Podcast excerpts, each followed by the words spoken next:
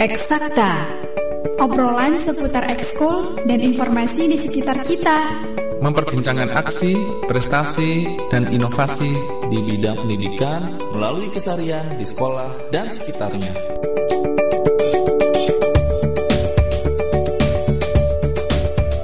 Assalamualaikum warahmatullahi wabarakatuh. Dari Graha Media Pusdatin 1440 AM Suara Edukasi yang akrab dan mencerdaskan. Halo apa kabar sahabat edukasi? Senang sekali di kesempatan hari ini Kita berjumpa lagi ya di udara. Tentunya di acara Eksakta untuk edisi hari Rabu ini. Nah kira-kira kita akan berdialog dengan siapa lagi nih Ya insya Allah kita nanti akan berkenalan kembali. Walaupun ini bukan untuk yang pertama kali ya Dengan guru-guru di seluruh Indonesia. Dan kalau ada kesempatan kita juga akan ngobrol dengan adik-adik pelajar ya. Hari ini dalam acara eksakta kita mengangkat tema tentang robotik. Nah siapa nih di antara adik-adik yang menyukai bidang robotik? Yang jelas kita nanti akan bahas tema tentang ekskul robotik di sekolah ya bagaimana dan seperti apa juga keseruannya. Namun sebelumnya, izinkan saya mengutip sebuah artikel yang dimuat di republika.co.id di mana terobosan baru terjadi di dunia pendidikan Indonesia seiring berkembangnya teknologi ilmu, pengetahuan, dan juga dunia robotik yang kian diminati oleh siswa-siswa dari tingkat dasar bahkan usia lebih dini lagi hingga menengah ya. Dan sekarang sistem robotik juga tidak hanya diselenggarakan artinya di bangku kuliah saja. Semua yang berminat bisa mengaksesnya. Siapa pun bisa masuk ke dunia robotik asal paham dasar ilmu dari robotik itu sendiri. Jadi insya Allah hari ini kita mau sharing session ya, tanya-tanya nih kepada seorang narasumber, guru pembina ekskul robotik dari sekolah yang sudah yang sudah cukup berpengalaman membawa para siswanya berprestasi di berbagai ajang lomba robotik nasional maupun internasional ya. Tapi sebelum kita menuju para narasumber hari ini, kita dengarkan dulu satu persembahan lagu berikut. Eksakta Obrolan seputar ekskul dan informasi di sekitar kita Memperbincangkan aksi, prestasi, dan inovasi di bidang pendidikan melalui kesarian di sekolah dan sekitarnya.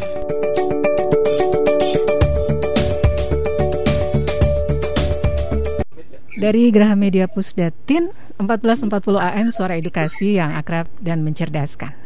Nah, kita sudah dihibur sejenak ya dengan satu lagu daerah tadi Tanjung Perak. Nah, tapi kita sekarang nggak menuju Tanjung Perak nih, menuju kawasan Sungai Musi. Ada jembatan Ampera di sana karena kita Insya Allah nih ya, hari ini mau ngobrol-ngobrol dengan guru dan siswa-siswi dari Palembang ya. Nah iya hari ini kita punya narasumber Bapak Kemas Nanti nama lengkapnya dan beliau saat ini sibuk mengajar di mana nanti langsung memperkenalkan diri ya bersama siswa-siswinya. Halo apa kabar Pak Kemas? Alhamdulillah baik Ibu. Alhamdulillah baik ya. Hari ini kita ketemu lagi Pak. Tapi boleh ya Pak? Ya. Kita ulangi hmm. lagi introduksinya. Ya. Boleh ya. memperkenalkan diri lagi. Silakan. Kenalnya Bu ya. Iya. ya. Jadi kenalkan nama saya Kamas Atin. Nah, saya guru di SMK Negeri 2 Palembang sekaligus dipercaya untuk menjadi kepala lab atau kepala bengkel teknik mekatronika. Hmm, itu dia ya. Jadi ada sebuah jurusan yang unik dan cukup jarang ya di SMK di seluruh Indonesia. Nanti boleh yeah. disampaikan nih kurang lebihnya. Nah, Pak hmm. Kemas Atin hari ini membawa dua orang siswa ya Pak ya, boleh ya? Yeah. Diperkenalkan dua tapi adik-adik. Lagi silakan perkenalkan. Hmm. Ya, baiklah. Uh, sebelumnya perkenalkan nama saya Ari Hartawan. Saya siswa SMK Negeri 2 Palembang, jurusannya Teknik Mekatronika, program pembelajaran 4 tahun. Program pembelajaran 4 tahun ya. Jadi nanti bisa lanjut ke diploma 4 ya jatuhnya ya. Kalau ke yeah. vokasi ya. Mm -hmm. Oke, baik. Siap ya. Ari Hartawan. Panggilannya Ari ya? Yes. Oke, hari ini pakai baju seragam tuh. Baju bengkel. Baju bengkel ya, keren, biru merah. Nah Yes. ini anak robotika ada juga ya yang perempuan ya. Silakan memperkenalkan diri adik Kamelia. Ya, perkenalkan nama saya Kamelia Suci Reviona, siswa SMK Negeri 2 Teknik Mekatronika, jurusan eh, sama 4 tahun, Jadi nama jurusannya apa Pak tadi? Mohon maaf. Teknik Mekatronika. Mekatronika. Mekatronika. Metatronika ya, asing soalnya ya. Asing tapi jadi unik ya. Jadi ingin Iya. tahu juga nih. Nah, hari ini kan kita mengangkat tema tentang ekskul robotik di sekolah ya. Gimana ceritanya nih Pak? Atau mungkin bisa disampaikan juga dulu ya tentang sejarah robotika di Indonesia yang diketahui oleh Pak Kemas sampai booming gitu, Oke. diminati sekolah-sekolah. Oh ya. Oke. Eh, menurut informasi yang saya baca nih Bu, eh, kalau robotik eh, teknologi robotik ini eh, mulai masuk ke Indonesia ini tahun 80-an ya. Eh, tahun 80-an yang dikembangkan oleh beberapa laboratorium eh, seperti MIPO, mesin perkakas teknik produksi dan otomasi, ada juga dari BPPT yang bekerja sama dengan Institut Teknologi Bandung, ada juga dari industri strategis, ada juga dari laboratorium elektronik keterapan yang ada di LIPI. Nah, itu eh, beberapa eh, laboratorium yang sudah menerapkan sistem dari robotika. Seperti itu tahun 80-an kalau nggak salah. Eh, menurut informasi yang saya baca di Iya, pada dan kan tahun Mm-mm. kalau untuk kontes robot yang pertama kali di Indonesia ini kalau nggak salah juga di tahun 1990 ya. Eh, itu kontes pertama robot yang ada di Indonesia. Seperti itu. Dan berkembanglah sampai sekarang. Setiap tahun selalu ada eh, apa ya inovasi robotik eh, peningkatan teknologi robotik yang lebih canggih lagi seperti itu Artinya meningkat terus ya animo masyarakat ya Pak ya untuk dunia robotik Iya. khususnya siswa. bahkan dari jenjang TK sampai ke perguruan tinggi. Iya ya, menyasar semua Mhm. umur ya. Atau mungkin Mhm. masyarakat umum juga semua kalau dipertontonkan aksi robot itu semuanya pasti Suka ya. tertarik gitu ya. Lucu soalnya Iya. benda bisa bergerak-gerak, kita sesuaikan seperti remote control gitu ya. Nah, Mhm. kalau sejarah awal mulai dibentuknya ekskul robotik di SMAN 2 Palembang ini seperti apa, Pak? Oke. Kalau untuk sejarahnya eh, itu di tahun 2016 pas pertama kali saya lulus dari salah satu universitas negeri yang ada di Indonesia. Terus kembali lagi ke Palembang untuk eh, menjadi guru dan kebetulan juga saya alumni dari SMK Negeri 2 Palembang Ibu. Nah, jadi saya kembali lagi ke rumah eh, terus membuat eskul atau lebih tepatnya ya bu ya lebih tepatnya eh, community community club robotik seperti itu. Nah di tahun 2016 itu awal tahun pertama kita eh, saya mencoba untuk membuat suatu klub robotik di SMK Negeri 2 Palembang. Sebelumnya tidak ada atau belum pernah eh, membuat suatu klub kayak gitu bu. Nah di tahun 2016 itu yang jelas ya masa-masa sulit eh, atau perjuangan ya proses perjuangan SMK Negeri 2 Palembang eh, untuk meraih prestasinya gitu. Wah, jadi Sampai sekarang perintisnya. Ya, Mm. Pak kan masih yang merintis ya, berarti ya. Iya, alhamdulillah masih. Oke, tapi nggak apa-apa loh Pak, disampaikan pada waktu itu karena Bapak memang sudah tertarik sama dunia robotik. Kuliahnya jurusan apa di mana Pak? Supaya nanti Oh murid-muridnya gitu. juga boleh mungkin mengikuti jejak. Oke. Ya, eh, saya waktu lulus dari SMK Negeri 2 Palembang, jurusan Teknik Mekatronika juga tahun 2012. Terus saya mengambil beasiswa kuliah dari pemerintah daerah, bekerja sama dengan Universitas Negeri Yogyakarta, dan juga kebetulan jurusannya Teknik Mekatronika S1 UNY Wah. tahun 2012 sampai tahun 2016 Hmm. gitu. Jadi sebelum ada dunia robotik ini, teknik mekatronika ini yang melingkupi bidang robotik ini ya Pak ya? Ya. Uh, Oh, jadi ada juga mungkin ya dasar-dasar pelajaran robotik dipelajari gitu ya? ya, Di uh, di jurusan mekatronika. mekatronika ada yang mempelajari tentang uh, robotika. Seperti itu. Hmm, Oke, sekarang ke adik-adik. Adik-adik masuk jurusan ini motivasinya apa nih? apa karena ada robotikanya atau gimana? Kalau motivasi awal eh, memilih jurusan ini itu dari eh, temennya kakak yang ngasih tahu memperkenalkan jurusan ini. Pertama itu tertarik karena prospek kerjanya. Prospek kerjanya itu lebih ban- lebih dibutuhkan di masa yang akan datang sehingga eh, saya memilih jurusan ini untuk sekolah di SMK. Hmm, apa tuh prospek kerjanya yang sudah Kalau diketahui Kamelia? Prospek kerjanya itu di bidang industri yang menggunakan robotik sebagai alat kontrol. Hmm. Ya sekarang pabrik-pabrik sudah banyak menggunakan itu. Iya. Jadi adik-adik ini justru jadi apa nih master control dari robot-robot ini gitu ya. Iya, Tugasnya ya walaupun kita dibantu sama robot, tapi robot itu tetap harus ada pengendalinya ya adik-adik ini ya. Sebagai operatornya salah satunya gitu ya. Oke, kalau alasannya Ari gimana? Kalau Ari sendiri sebelumnya sudah mengenal dunia robotik atau dunia di mekatronika ini dari kakaknya Ari sendiri. Kakaknya Ari sendiri juga merupakan alumni dari SMK Negeri 2 Palembang. Oh. Jadi begitu kakak Ari tamat, bisa dibilang kakak Ari bisa langsung diserap oleh industri. Nah ini membuktikan bahwa sebenarnya mekatronika khususnya robotik ini sangat dibutuhkan sekali oleh industri sehingga ke depannya itu akan sangat diserap oleh industri dan baik terlebih lagi kita sekarang sering dengar istilah industri 4.0 yang mana semua tenaga kerja atau semua sistem dalam industri tersebut sudah dialihkan ke sistem robotika seperti itu. Jadi udah ada buktinya ya kakaknya sangat sangat nyaman gitu ya masuk ke dunia industri robotika itu ya. Yes, Dan sepertinya memang. SMKN 2 Palembang ini sudah punya reputasi yang sangat baik di bidang teknik mekatronika ini ya. Pak Kemas ya. Alhamdulillah. Ya alhamdulillah Ibu. Uh, Ah, untuk alumni alumni mekatronika alhamdulillah uh, cukup baik. Iya, sampai Pak Kemas balik lagi tuh ya. Mengabdi untuk sekolahnya. Wah, senang banget pasti guru-gurunya ya. Dipanggilnya apa nih, Pak? ketemu lagi.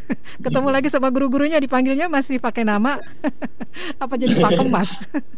Eh, ya, tergantung si- situasi dan kondisi bu. Kalau Oke. di depan siswa ya manggilnya Pak. Ya, tapi kalau lagi ngobrol biasa manggil nama. Lucu juga ya, Pak ya. Kan, Seru juga Iya. ya, Pak ya. Jadi mitra Iya, pengajar. Oke. Adik-adik apa sih manfaat yang didapatkan gitu dengan mempelajari dunia robotika dan dari Pak Kemas sendiri sebagai pengajar ini manfaatnya apa, Pak? Selain memang passionnya di situ. Oke, kalau dari saya selaku guru di bidang robotik atau mekatronika ini ya eh, manfaat yang saya berikan atau ilmu yang saya eh, berikan kepada siswa-siswi saya yaitu tadi eh, bahwa ilmu yang saya ajarkan ini itu nantinya akan sangat berguna sekali di masa sekarang bahkan yang masa akan datang pertama karena kita sudah eh, masuk ke era 4.0 ya Eh, jadi semua sistem yang ada sekarang mesin eh, mechanical electrical itu semua sekarang sudah smart atau sudah automation itu. Jadi eh, saya selain dari passionnya saya atau jurusan saya mekatronika ya ilmu ini eh, penting sekali bahkan sangat sekali bermanfaat nanti di akan eh, masa yang eh, akan datang Iya ya, generasi yang memang sangat digital natif gitu ya hari ini. Jadi nggak asing ya bicara tentang yang canggih-canggih nih, robotik robotika gitu. Nah kalau adik-adik Ya. sendiri dapat manfaat apa nih sampai sekarang kelas berapa? Ya, sekarang sudah kelas 4, manfaatnya itu banyak sekali. Jadi sebenarnya robotika ini kan menyangkut paling tidak tiga hal, yaitu mekanika, elektronika, dan informatika. Nah, dengan belajar robotika ini, paling tidak kita sudah dapat basic dari tiga ilmu ini. Kita bisa belajar mekanik, bisa belajar juga elektronik, paling tidak kita bisa ngerti dasarnya, juga bisa belajar informatika, sedikit-sedikit bisa berprogram gitu. Jadi dulu SMP kuatnya di bidang apa nih? Kok kayaknya saya dengernya agak pusing-pusing deh, mekanik, elektronik, informatika. Kuat di mana nih dulu? IPA pasti dong ya. Iya. Yeah. Jadi adik-adik ini yang tidak takut sama pelajaran fisika, matematika gitu ya? Logik ya. Uh, terutama di di materi logika gitu. Logika ya. ya. Alhamdulillah sudah punya simpanan ini ya adik-adik ya untuk melanjutkan mungkin ke jenjang perguruan tinggi nantinya. Karena dasar-dasar itulah yang nanti juga dibutuhkan untuk bisa melanjutkan. Nah, kalau alasannya Kamelia gimana? Uh, alasan untuk manfaatnya uh, ya maksudnya tadi. Manfaat kan, manfaat hmm. di mekatronika ini. Ditambah lagi kan kami uh, program 4 tahun. Ini hmm. disiapkan di, benar-benar disiapin buat siap kerja, tamatan ini siap kerja sehingga yang kami terima itu uh, lebih banyak materi-materi yang uh, dibutuhkan. Hmm, oke. Okay. Jadi nggak kaget gitu ya. Hmm. Nah, yang berikutnya uh, yang paling membuat Pak Kemas dan juga adik-adik antusias tentang dunia robotik apa sih yang bikin penasaran apanya sih?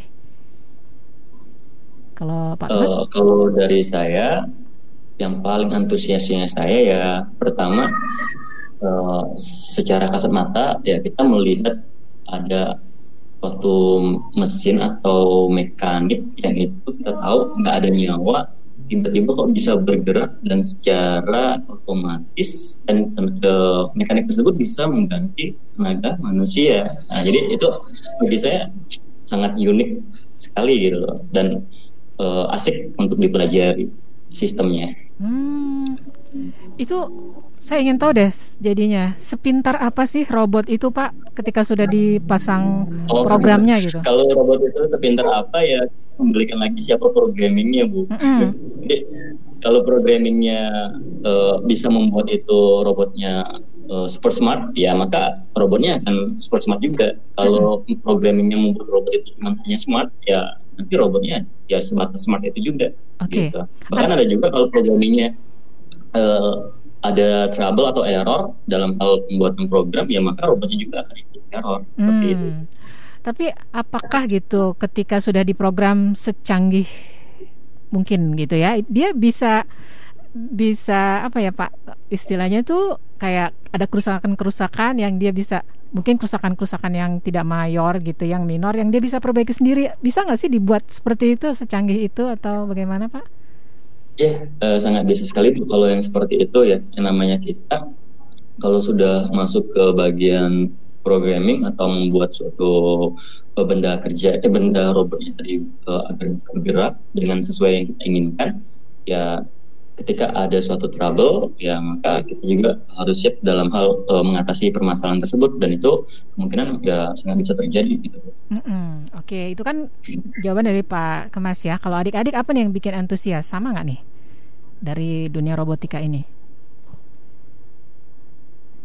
Benda mati bisa gerak gitu, lucu aja ya. Ari? Oh oke. Okay. Uh, eh, jadi sebenarnya suka robotik itu pada dasarnya ini. Pertama kali lihat robot itu kan impresi kita terhadap robot itu nah ini robot sebenarnya cuma benda biasa cuman yang diam di tempat tapi kok bisa gerak gitu bisa kok ngelakuin satu tugas bisa kok menyelesaikan suatu masalah itu nah asiknya di robotik ini ketika kita program ketika kita ingin robot ini bekerja untuk melakukan hal ini Nah, kita semakin sering melakukan trial and error. Nah, melakukan trial and error itu seru. Seru karena apa? Karena wah, kita nih makin kita itu makin makin makin apa ya? Bisa dibilang makin makin banyak, makin bertambah wawasan. Karena setiap trial and error itu pasti akan ada pelajaran-pelajaran baru yang kita dapat. Gitu. Hmm. Kamil, Lia, gimana kalau kesan kamu? Kalau yang buat tertarik uh, selama sekolah itu pas ujian ujiannya Pak Kemas pas ujian malah Setiap ujian, tertarik. ujian pasti gemeteran, uh, pus, uh, pokoknya pokoknya stuck banget gitu. Dan sering kali gagal. Ketika gagal itu yang buat rasa penasaran gimana sih itu bisa selesai, gimana sih itu uh, caranya supaya itu tuh bisa berhasil. Gitu. Gagalnya gara-gara gemeteran atau tiba-tiba langsung hilang semua ingatannya. Kalau pas proses belajar itu lancar banget pokoknya. Oh. Tapi pas ujian itu udah apa yang Gitu ya? udah dikasih pelajaran itu udah lupa semua. Karena kalau waktu lagi belajar kan banyak praktikum berhasil gitu ya. Kenapa bisa terjadi Pak Kemas nih gara-gara grogi atau apa nih? Kasihan nih pas ujian malah nggak berhasil. Juga ujian itu kan eh, tim, ada yang tim, ada yang individu. Nah, yang tim itu kita harus eh, antara yang program sama antara mekanik itu harus benar-benar benar-benar paham, saling memahami gitu. Hmm. Nah, yang itu yang kalau misalnya ujian itu kan pasti berubah-ubah. Nah, yang caranya kita itu supaya bisa bekerja sama dengan orang yang berbeda itu, yang itu juga yang jadi pelajaran. Wah, rumit ya ternyata ya. ada yang tadi bagian program, ada yang bagian mekanik, tapi semua itu dipelajari gitu ya.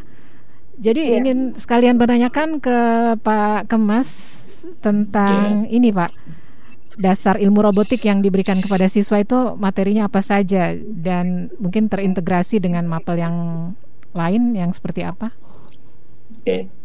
Eh, kalau untuk materinya sendiri, Bu, kalau di kita ya di jurusan teknik mekatronika itu sendiri, yang jelas dari kelas 10 dengan basic pemrograman atau dasar pemrograman Nah, agar mereka mulai terbuka eh, ibaratkan pemikiran tentang automation atau robotik.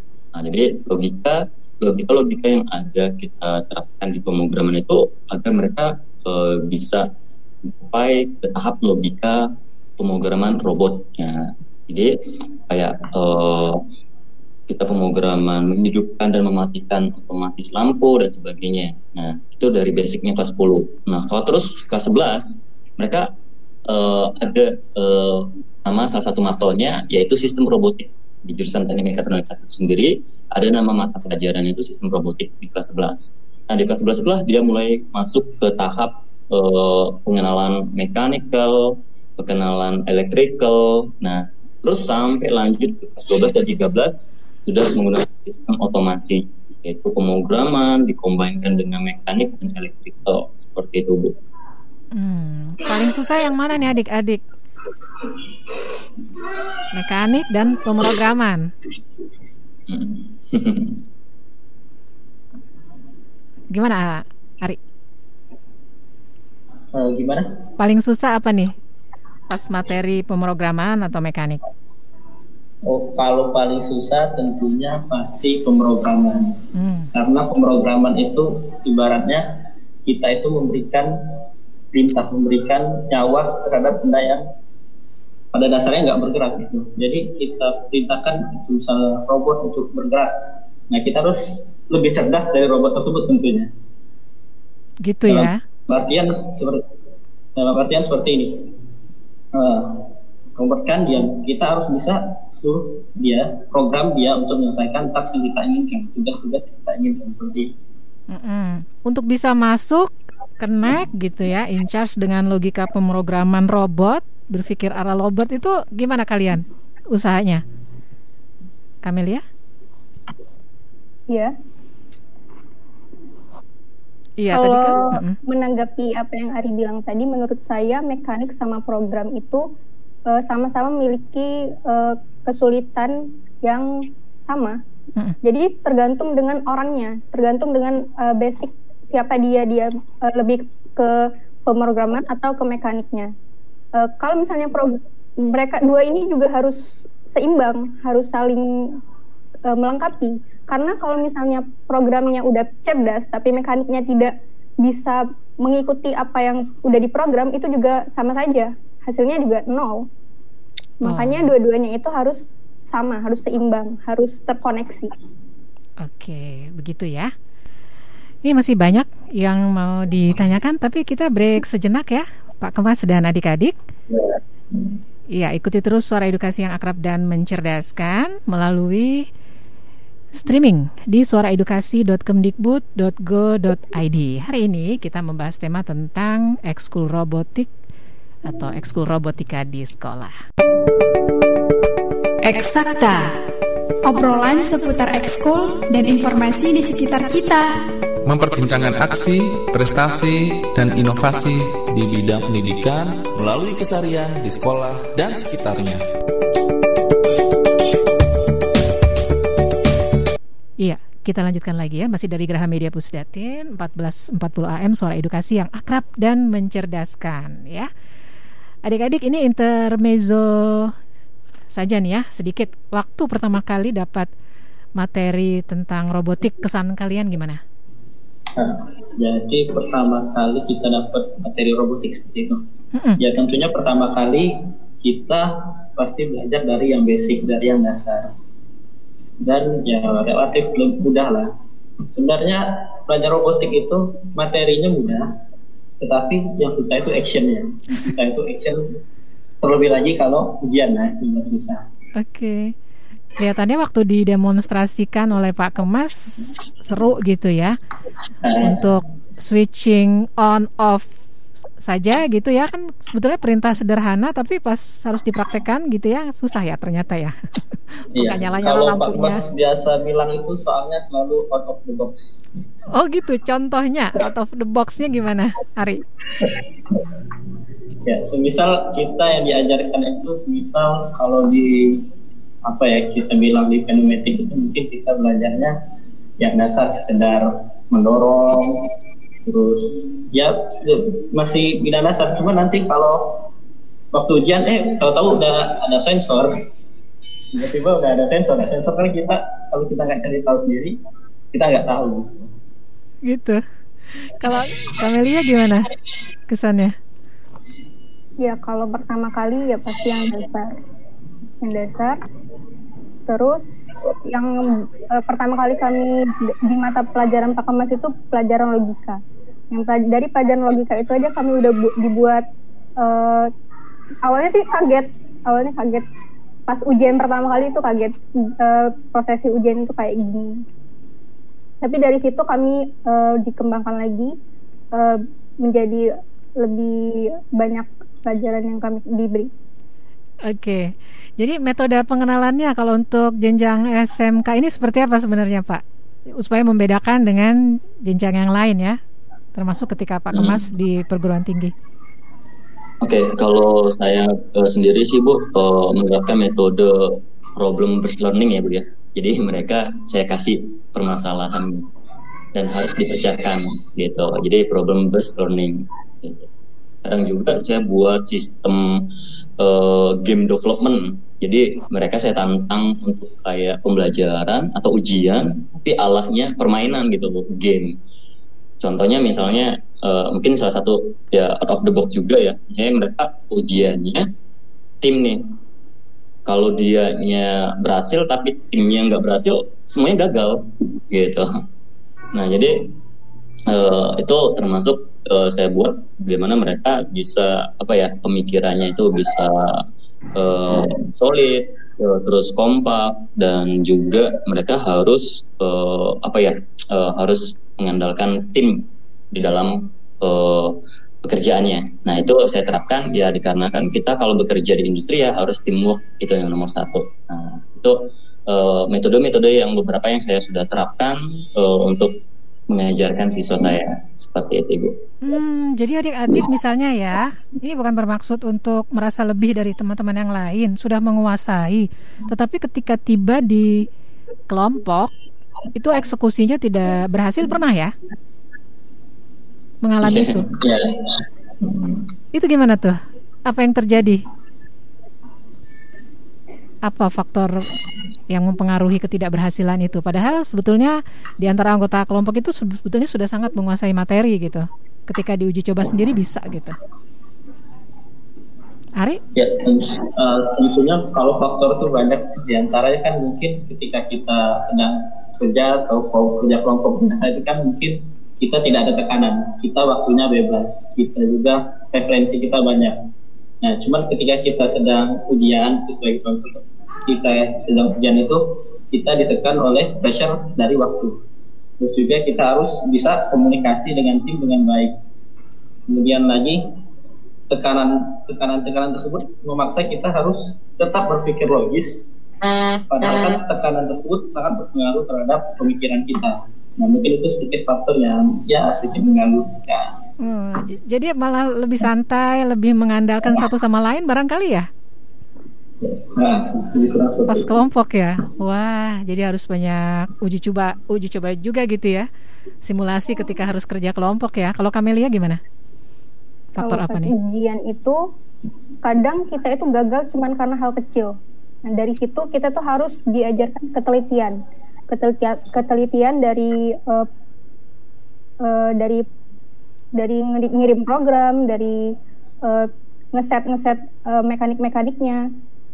Bahkan dari eh, dari alatnya itu sendiri juga harus ada hal-hal yang diperhatikan.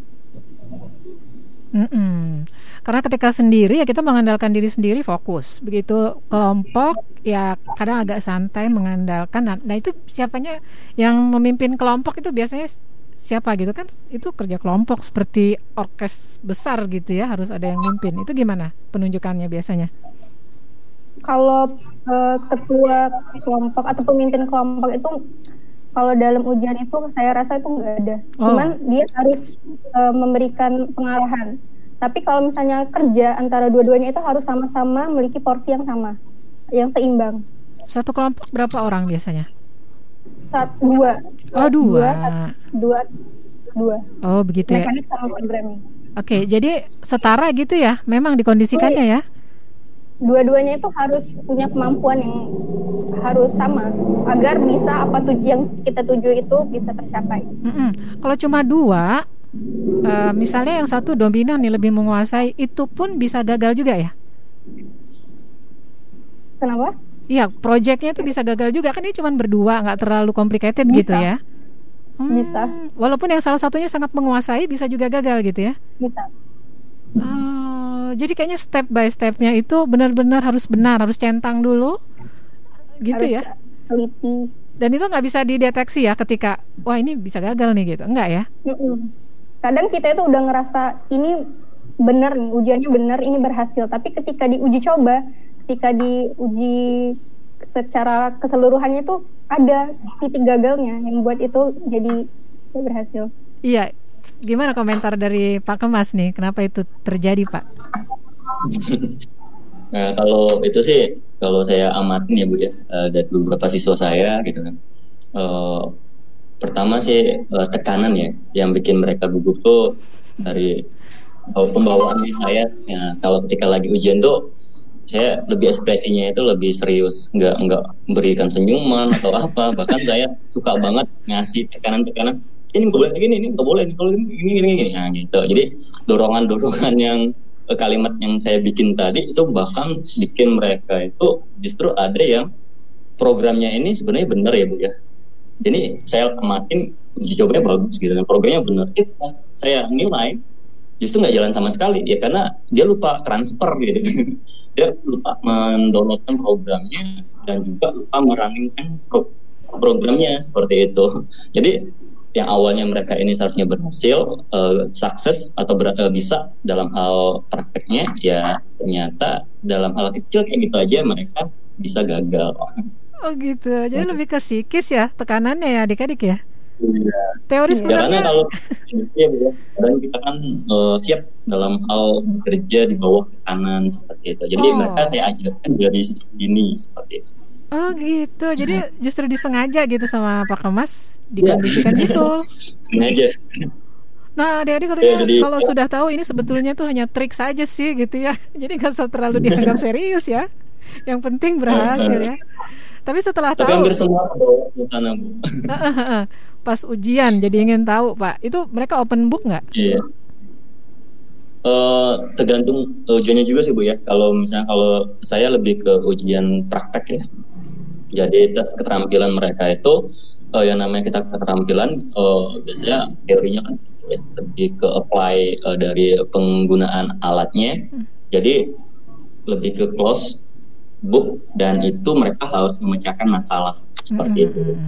Udah harus hafal, harus tahan tekanan, harus tersenyum dan harus berhasil gitu ya. Probabilitasnya dari setiap ujian tuh Pak atau gimana nih uh, yang selama ini terjadi? Apakah ujian pertama berapa persen yang berhasil, tapi akhirnya grafiknya oh, iya. naik? Nah kalau untuk presentasi keberhasilannya itu uh, kalau ya beda-beda ya Bu ya, beda kelas ya beda juga hasil presentasinya. Nah kalau umumnya yang kadang saya bikin uh, aneh juga, giliran ujian awal um, mereka banyak yang uh, remet ya, gagal atau belum berhasil. Justru ujian-ujian yang masuk ke akhir yang itu materinya jauh lebih sulit dari ujian awal, justru malah mereka berhasil. Nah itu bu.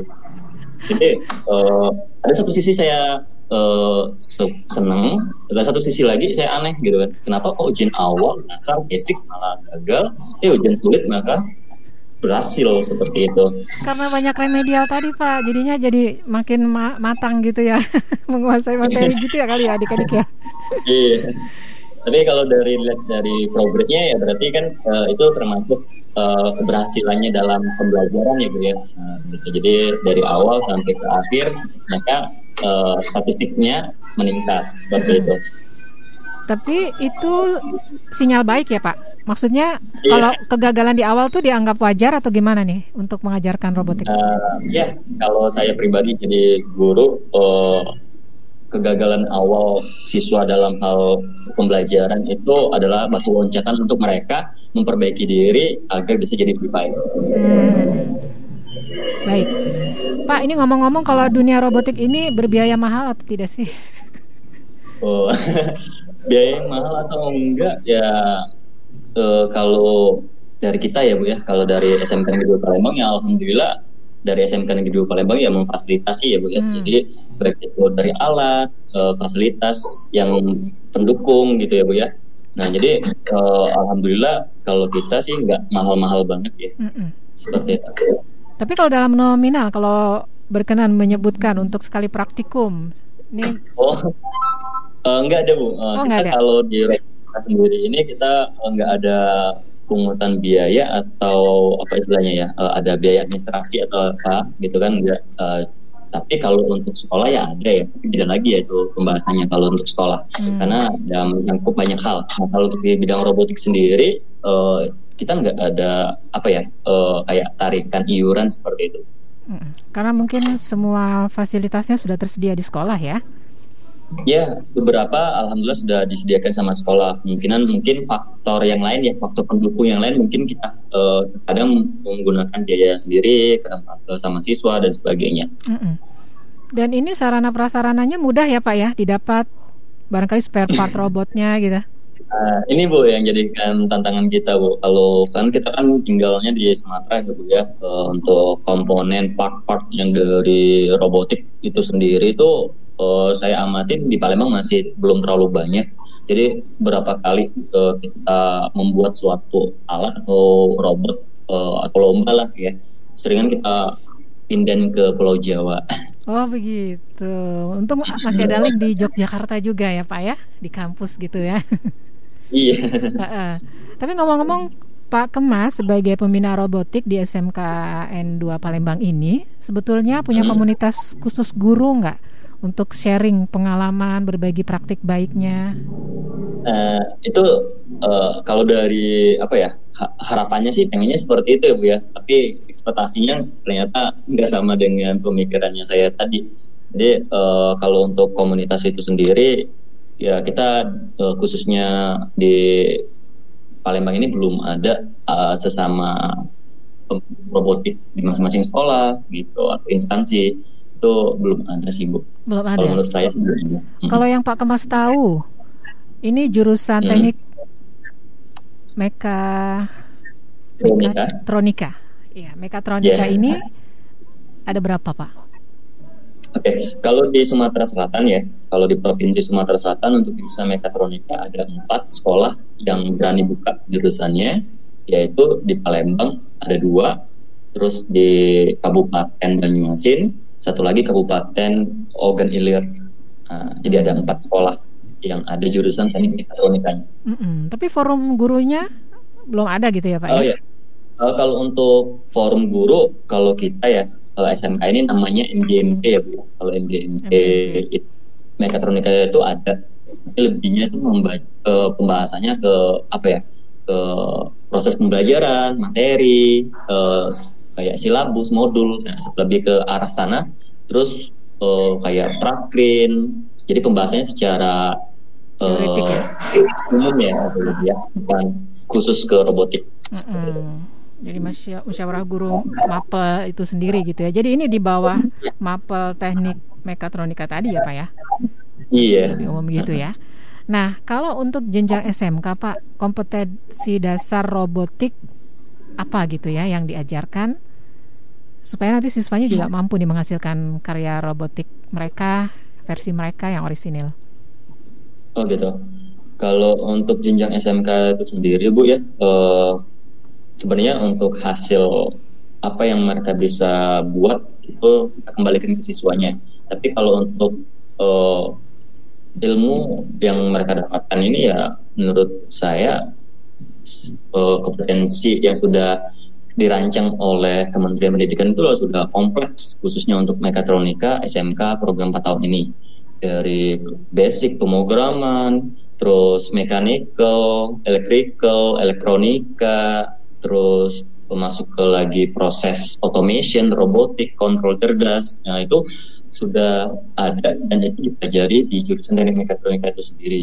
Nah, kalau untuk eh, siswanya bagaimana mereka untuk mengembangkan eh, potensi mereka ya itu ternyata masing-masing siswa itu berbeda. Eh, ada yang eh, mereka tertarik untuk membuat inovasi alat ini, membuat inovasi ini, menerapkan ilmunya tadi untuk ini dan ini itu beda-beda seperti itu bu. Hmm, oke. Adik-adik sempat ingat nggak ada berita yang cukup viral ya? Ini lulusan SMK dari Jawa Tengah sekitar awal 2020 ya, yang bisa membuat sebuah robot sederhana buat bantu ibunya jualan telur dadar gitu ya. Pernah dengar adik-adik? Oh ya. Pernah. Gimana tuh waktu itu reaksinya setelah dengar berita itu? Iya. Eh, sebenarnya dari sini saja kita bisa tahu kalau sebenarnya robotika itu sesederhana mungkin bisa berada di mana pun, termasuk untuk yaitu tadi membantu ibunya berjualan telur dadar. Itu kan sebenarnya simple, tapi karena ia kreatif, ia memiliki basic yang memiliki dasar ilmu pengetahuan, ia bisa membuat eh, apa, robot untuk berjualan telur dadar tersebut yaitu kita bahwa sebenarnya robotika ini bisa berada di mana pun. Ah, oke. Kam Kamelia gimana komentarnya? Ya, kayak apa yang Ari bilang tadi, robotika itu bisa di mana pun, nggak cuman di industri besar, tapi di kehidupan sehari-hari juga bisa diterapkan. Ada inspirasi apa yang didapat nih setelah mendengar berita itu? Kalau saya sendiri sih sebelum mendengar berita itu tuh pengen buat smart home dari dulu pengen buat smart home. Smart Karena home. apa yang di ah, yang dipelajari di itu eh, buat di rumah sendiri keamanan sistem di rumah sendiri itu bisa. Bahkan nggak perlu biaya yang sangat besar. Mm-mm. Iya benar-benar. Kani juga pernah dengar tuh. Jadi pakai remote control bisa siram tanaman ya ketika harus Hmm. uh, mungkin cuti panjang, meninggalkan rumah gitu ya. Macam-macam ya. Adik-adik bisa remote apa aktivitas di rumah secara mekanik dari jauh gitu ya. Itu diajarin juga ya sama Pak Kemas ya. Iya. Oke, jadi robotik itu sebetulnya kayak proses remoting gitu ya Pak ya? Selalu harus Eh, terkait dengan kegiatan remoting gitu ya? Ya, eh, jadi robotik itu eh, lebih kompleksnya itu ya mereka ini eh, diadakan namanya teknologi robotik ya karena manusia yang bekerja mengaplikasikan sesuatu, tapi tenaga manusia tadi menjadi mesin yang bekerja seperti itu. Jadi eh, mereka menerapkan prinsip ya bagaimana manusia itu bisa bekerja seperti itu. Mm-mm. Pak, apakah dunia Ya. robotika ini bisa dipelajari secara mandiri gitu, otodidak? Mengingat sekarang kan fasilitas belajar, tutorial-tutorial di YouTube juga banyak ya? Hmm.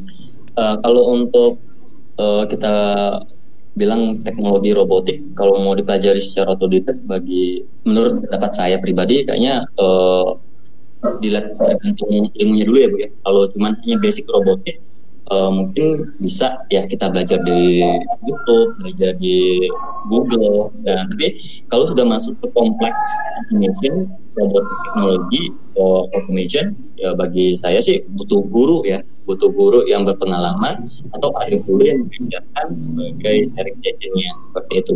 Hmm, jadi landasan atau dasarnya tetap harus punya dulu gitu ya Pak, baru mungkin iya, mungkin uh, kita ya. punya basic pemahaman dasarnya gitu Bu, agar kita bisa ngambil langkah yang lebih maju atau lebih sulit lagi materinya. Ngomong-ngomong adik-adik selama belajar di rumah, ini kegiatan robotiknya gimana nih? Berhenti atau jalan? Iya, kalau kegiatan robotik di rumah otomatis ya mungkin nggak bisa seleluasa di bengkel. Karena di rumah juga kan kita nggak punya banyak alat. Tapi sebenarnya di rumah juga kita bisa belajar belajar sendiri bisa buat project sendiri. Entah project apa pun itu kayak saya pernah buat project di rumah itu uh, karena rumah saya dulu pernah kemalingan ya jadi saya buat project sendiri bareng kakak tuh buat project satu sistem alarm anti maling gitu yang dipasang di jendela. Ya itu kan lumayan lah memanfaatkan waktu dari basic skill yang diperpanjang. Ah, bisa ya, berhasil ya proyeknya ya? Hasil. Uh, tapi sudah sempat ada musibah kemalingan itu? Iya.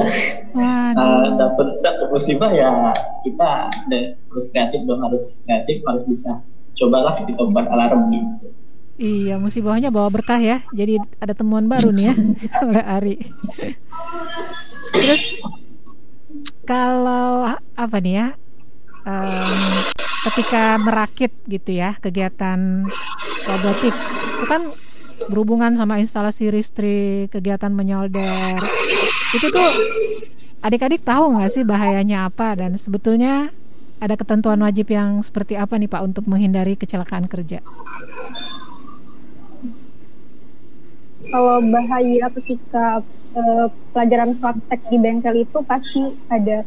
Tapi kami juga dikasih pelajaran pelajaran K3. K3 keselamatan.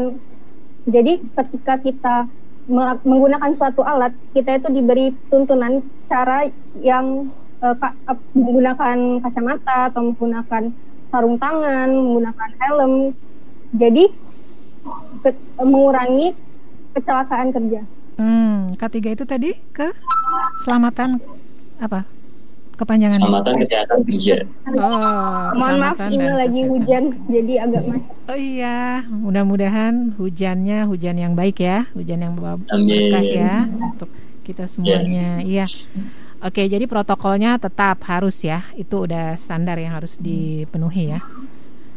Uh, perasaan adik-adik ketika lagi praktikum robotik itu rasanya gimana sih? Ingin tahu aja sensasinya tuh, apalagi kalau berhasil gitu, berasa profesor nggak sih? uh, Ari. Uh, jadi rasanya kalau kita praktikum robotik itu yang paling seru kalau kita dapat suatu tantangan baru. Kadang kalau kita dapat tantangan baru itu mungkin ya bisa begadang tapi malam mungkin bahkan sering juga beda kelompok sama temen lupa pulang gitu Oh gitu, robotnya dibawa pulang, didemonstrasikan di rumah, gitu seru ya? Ya. Proyek-proyek apa aja nih yang udah pernah dibawa pulang?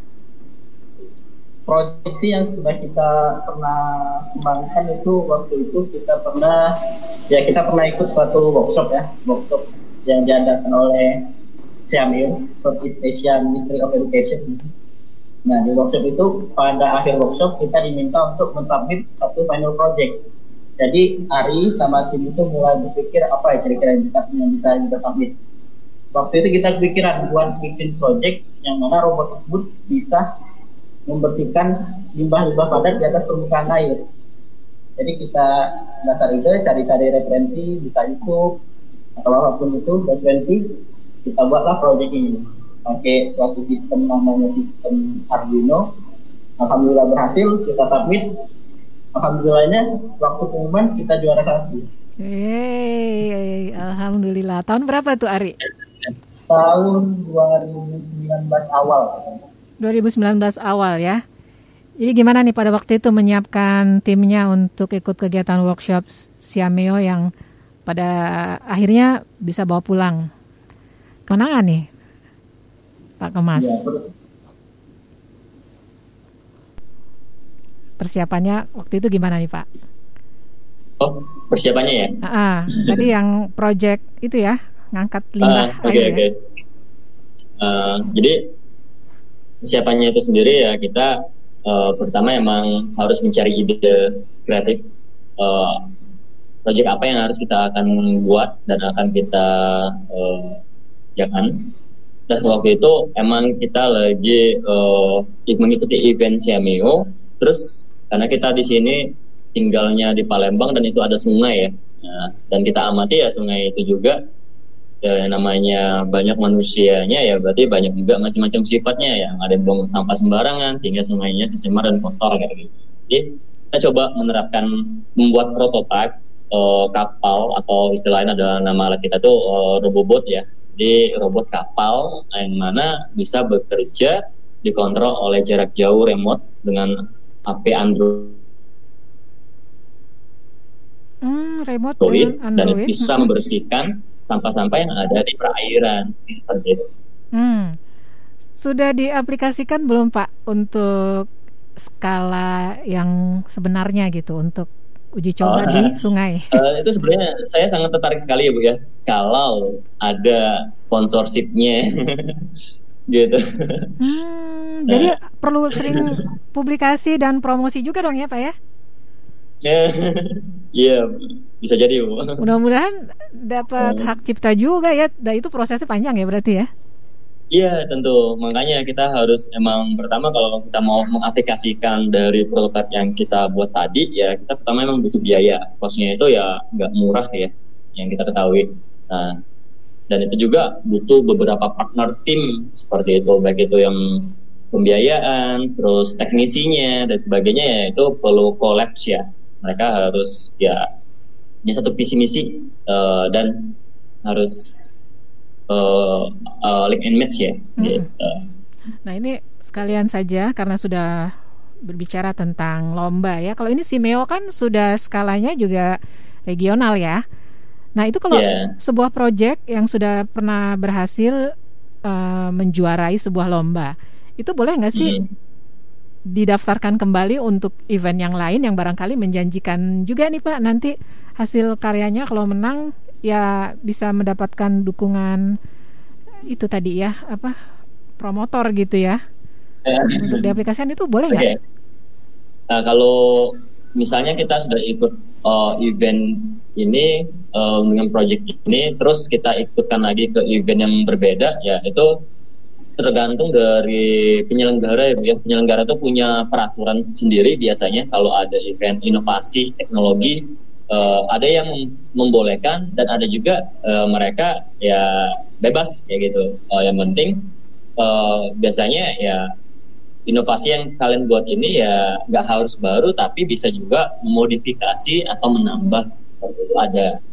Nah termasuk juga ya baru-baru ini kita juga ikut event di Universitas Presiden ya tapi online ya bu ya uh, karena pandemi kayak gini. Uh, itu dia ada syaratnya syaratnya uh, harus mutlak itu buatan kita sendiri dan nggak boleh pernah dicumbakan seperti itu uh, ada ya. Hmm. Oke, okay, sekarang koleksi pialanya sudah berapa banyak nih, adik-adik? Kalau trofi dan medali ya, medali ya. Uh, tahun 2016 dari tahun 2016 yang saya bilang tahun perjuangan. Nah, kenapa saya bilang tahun perjuangan? Ya karena tahun 2016 itu yang tahun yang paling saya berkesan sekali bu. Uh, hmm. Di tahun 2016 itu kalau saya hitung trofi and medali itu kurang lebih ada sekitar mencapai 20 ya insya Allah ada uh, gitu. Itu tahun 2016 aja nah 2017 18 19 20 itu statistiknya menurun oh. di 2017 18 19 uh, tapi di 2018 19 mulai naik lagi uh, 17 itu yang agak sedikit menurun 17 19 yang menurun kalau ditotalin nggak uh, tahu ya bu ya uh, saya lupa gitu. Alhamdulillah banyak ya. Alhamdulillah Ah, banyak. Masya Allah. Itu untuk skala mana saja Pak? Lokal. Eh, kita mengikutinya banyak ya Bu ya, baik itu regional, kota, provinsi, nasional, Asia Tenggara seperti itu. Hmm, dan timnya berganti-ganti atau ada tim tetap nih Pak yang diandalkan? Ya, kalau untuk tim tetap ya itu yang namanya siswa ya setiap tahun pasti naik kelas ya Bu ya. Mm-mm. Nah itu yang saya eh, kadang kehilangan. Jadi pasti akan berganti terus Bu. Jadi tahun 2016 eh, siswa ini yang akan tampil 17 selama dia belum lulus eh, kalau masih bisa saya eh, join ajak gabung untuk mewakili sekolah ya eh, saya akan pakai terus. Tapi kalau dia sudah lulus ya kita harus, harus lepas ya kayak gitu Mm-mm. bisa eh, tan- eh, ikut lomba bareng lagi gitu. Iya. Ini alumninya kan sudah banyak Pak. Itu mereka dirang dirangkul untuk tetap eksis gitu di sebuah komunitas khusus atau tidak?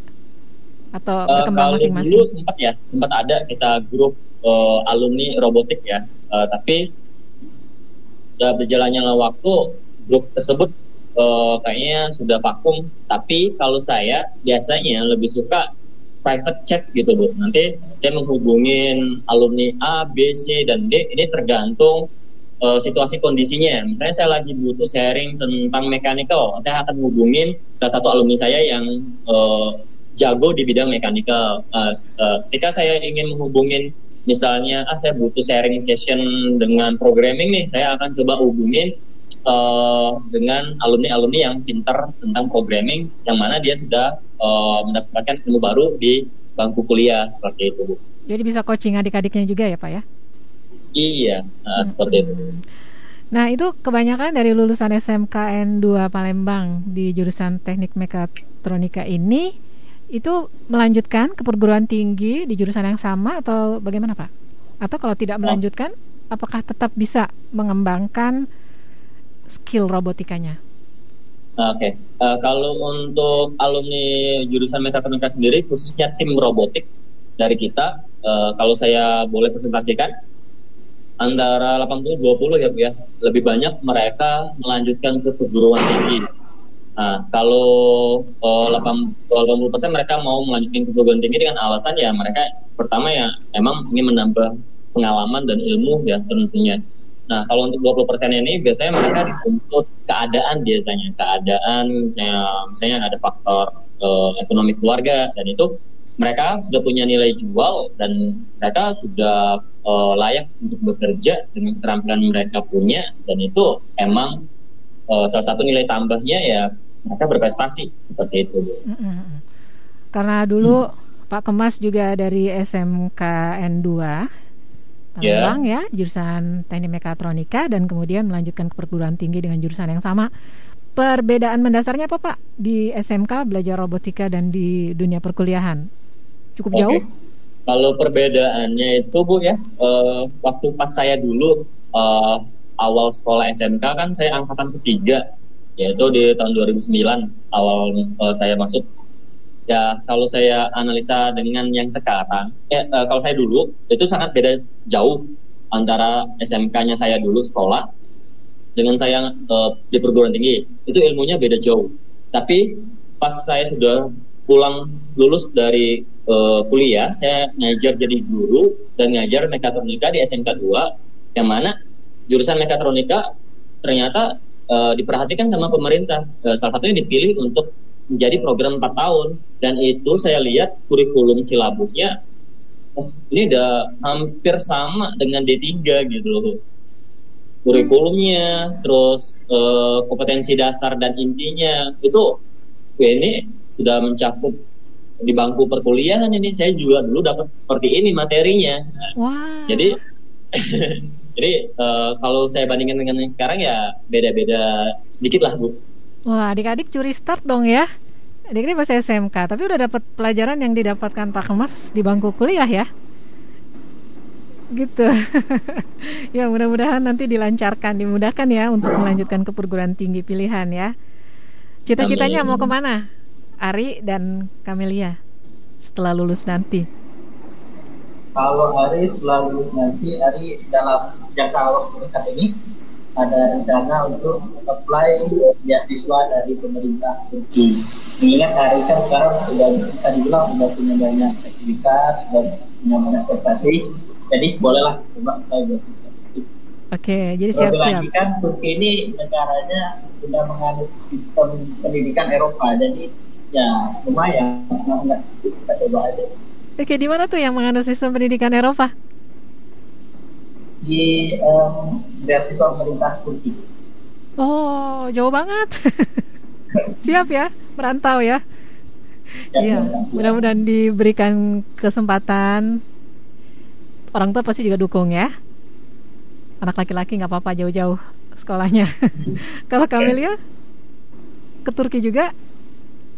Enggak. Mau ke mana nih? Kalau rencananya ini kan ambil di SNMPTN, ambil di Surabaya, di Oh. Politeknik nomor satu. Oke, usah. itu referensi dari siapa nih? Rekomendasi dari Pak Dari Kemas? dapat dari alumni juga, alumni mekatronika yang udah di sana, diambil di Surabaya. Eh, kalau ngeliat profilnya itu udah wah, bagi saya sendiri udah wah banget. Oh, Jadi saya baik. mau mengikuti jejak Insya Allah ya. Jadi berjuang dulu nih dari jalur SNMPTN ya. Masih berapa tahun lagi persiapan buat SNMPTN? tahun ini. Tahun ini ya? Ah, Ah, ah. Ya mudah-mudahan lolos ya. hmm. Banyak jalur ya nanti ya untuk ke Surabaya. Oke, ini terakhir nih statement closingnya apa dari Pak Kemas supaya menyemangati siswa-siswi yang masuk jurusan teknik mekatronika ini, khususnya yang mendalami dunia robotika, apa pun kendalanya tuh tetap gitu loh, punya spirit di kegiatan ini dan bisa mengambil buah manisnya nanti gitu. Oke, kalau untuk pesan atau tips and triknya, eh, pesan saya, ayo semangat belajar robotik, jangan takut belajar robotik karena robot itu menyenangkan dan mengasihkan. Dari robotika itu kalian bisa menjadi siswa yang berprestasi dan membanggakan kedua orang tua kalian. Semangat. Iya, canggih deh gitu ya, kayaknya milenial sekali gitu ya. Ari dan juga Kamelia, apa nih kata-kata penyemangatnya untuk diri sendiri dan teman-teman juga? Ya, dari Ari sendiri, sekarang itu dunia terus berkembang, pendidikan vokasi terus berkembang, banyak sekali industri-industri yang membutuhkan tenaga-tenaga kerja, tenaga-tenaga ahli berkompetensi, khususnya dari SMK gitu. Nah, jadi dulu banyak sekali pertanyaan dari orang-orang SMK itu bisa apa sih? Khususnya seperti Ari yang basically STM, yang identik dengan tawuran. Tapi sekarang STM STM itu sudah berubah, SMK sudah berubah, sudah berevolusi 180 derajat. SMK itu rasanya tidak perlu lagi ada pertanyaan SMK bisa apa, karena SMK itu sesungguhnya bisa, SMK itu sesungguhnya hebat, dan SMK itu siap kerja, santun, mandiri, dan kreatif. Iya, keren ya. Pede banget dong ya jadi anak SMK ya. Iya, anak SMK pelajaran-pelajaran teoritis dapat, pelajaran prakteknya dapat, dilempar ke dunia kerja, hayo masuk ke perguruan tinggi juga siap gitu ya. Ini jarang-jarang lagi nih bidangnya nih, teknik mekatronika. Namanya aja udah agak-agak serem-serem gitu ya, keren pokoknya. Ya, Kamelia, ini perempuan. Di kelas berapa orang nih ngomong-ngomong? tujuh. Kalau di kelas termasuk saya tujuh. Tujuh? Per Hmm. total? Per tiga enam. Oh 36, waduh minoritas ya Tapi prestasinya bersaing dong ya Iya. Oke, kamu apa nih? Kalimat Kalau- motivasinya me- robotika itu asik. Jangan takut terbatasi walaupun sebagai perempuan tetap semangat, tetap fokus pada tujuannya. Jangan merasa kalah dengan laki-laki. Selagi kita bisa em, eksplor diri, selagi kita bisa membuat diri kita eh, berharga, jangan takut eh, untuk jangan takut terbatasi atau merasa kurang. Oke, jadi terbukti ya Bisa kok menaklukkan robotika ya, perempuan juga ya Nah, teman-teman yang lakinya tapi titip-titip ya, jaga-jagain ya, jangan sampai kesetrum. Ini teman-teman yang perempuan ya.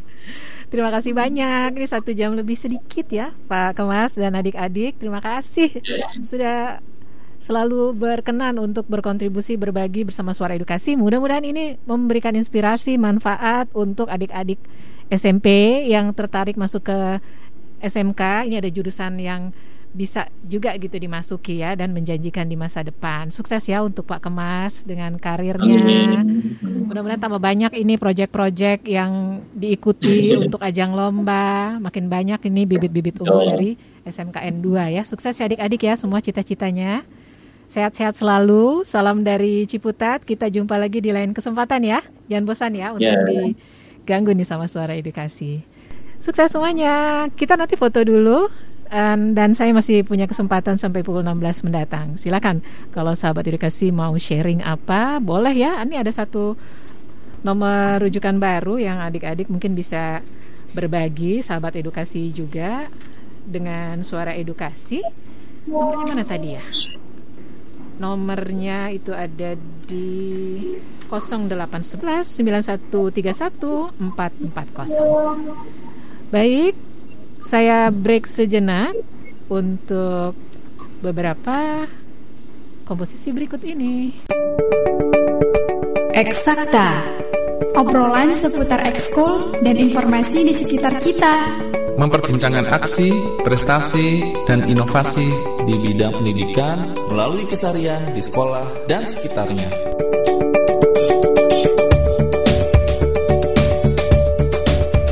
dari Graha Media Pusdatin 1440 AM, suara edukasi yang akrab dan mencerdaskan.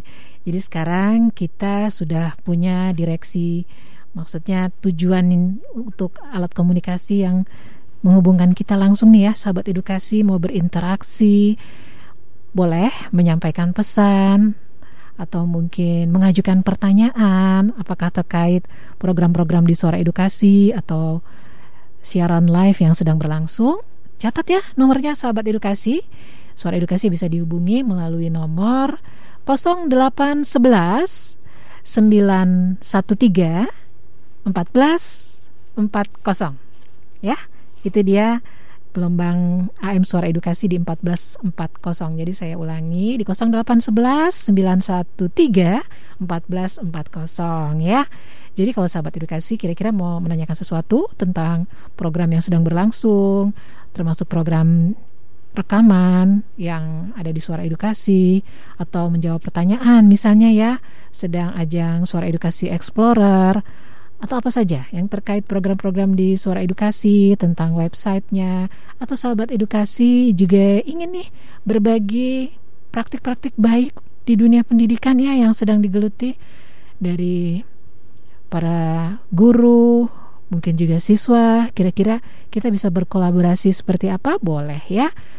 Hubungi saja Suara Edukasi melalui WhatsApp boleh, di telepon langsung juga boleh di 0811 9131 440 atau penggalannya jadi 0811 913 1440. Ya, jangan lupa. Eksakta obrolan seputar ekskul dan informasi di sekitar kita. Memperbincangkan aksi, prestasi, dan inovasi di bidang pendidikan melalui kesarian di sekolah dan sekitarnya.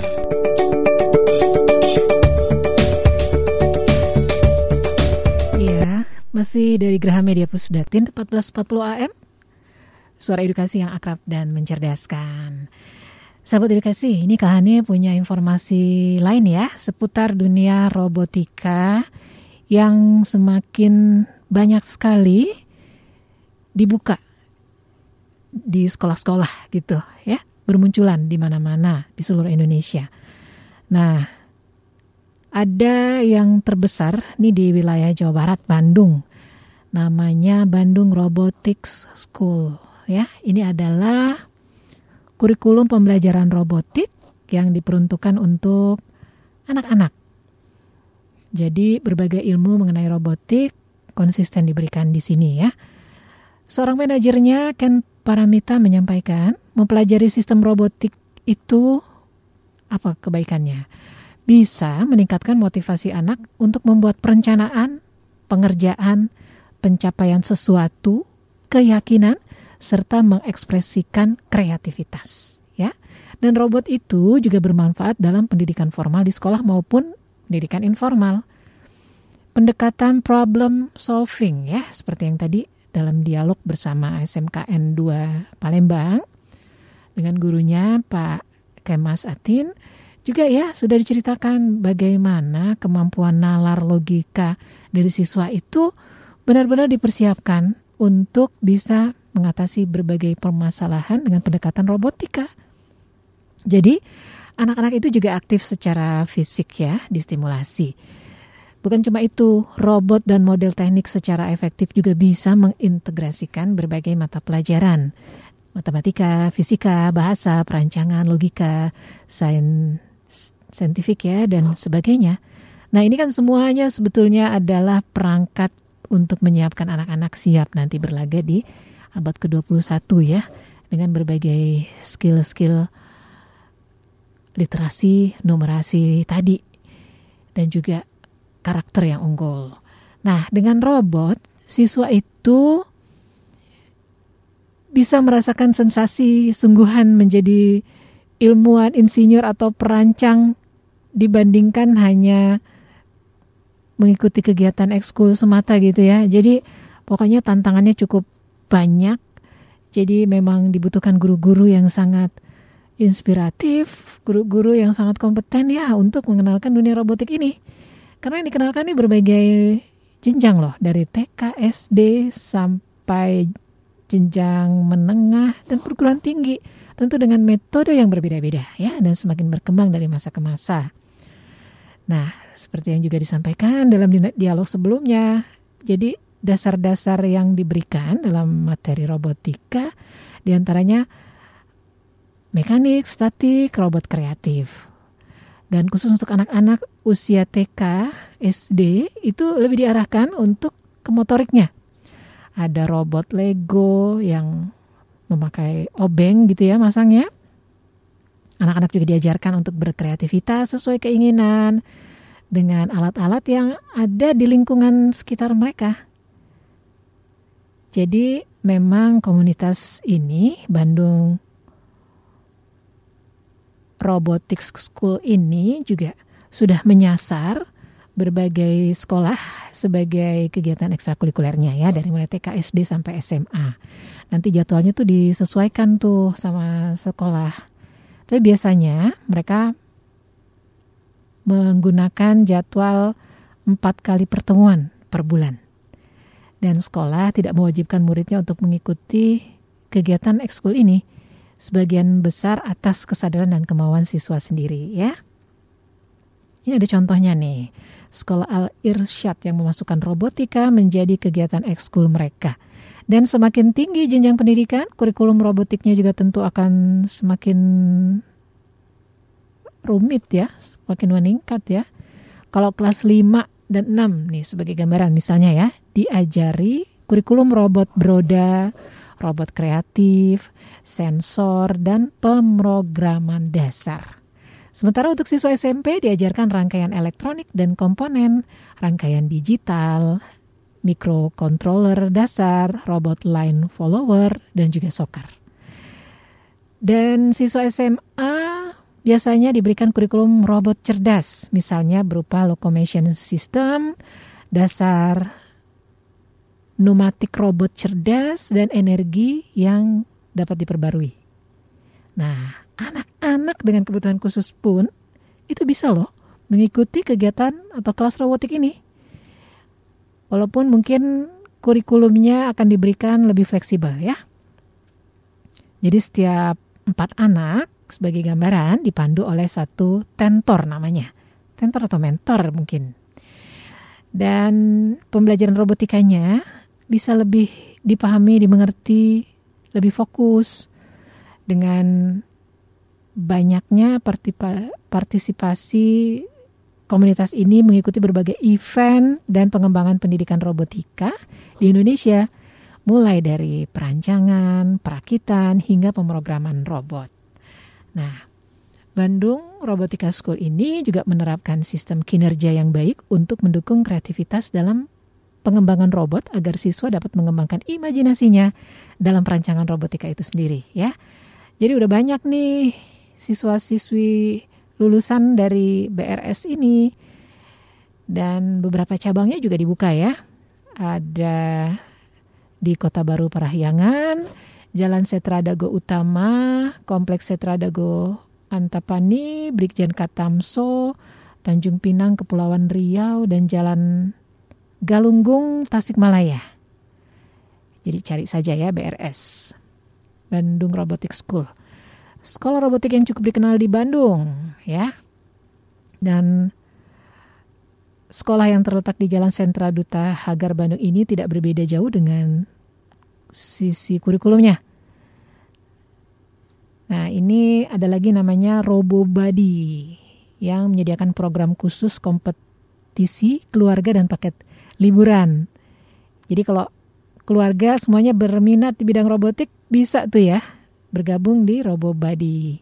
Jadi Bandung nih sepertinya bisa jadi rekomendasi nih untuk yang berminat di dunia robotik tapi tidak menutup kemungkinan. Buktinya tadi ya Pak Kemas dan anak-anak didiknya dari Palembang wah sudah membuktikan loh dari mulai tahun pertama sudah mengantongi 20 trof, trofi ya dan medali regional maupun internasional. Jadi boleh juga nih ya komunitas-komunitas yang ada di berbagai daerah di Indonesia kalau bisa bergabung jadi komunitas besar robotika Indonesia, wah keren juga ya.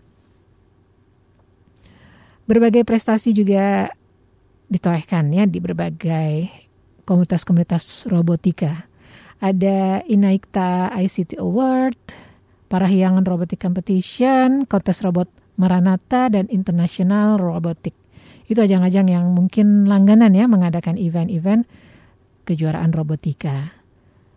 Ya, mudah-mudahan saja sahabat edukasi segala upaya yang dilakukan semua pihak dunia pendidikan dan stakeholdersnya mendukung kegiatan robotika ini karena masa depan kita tidak lepas dari dunia robotika.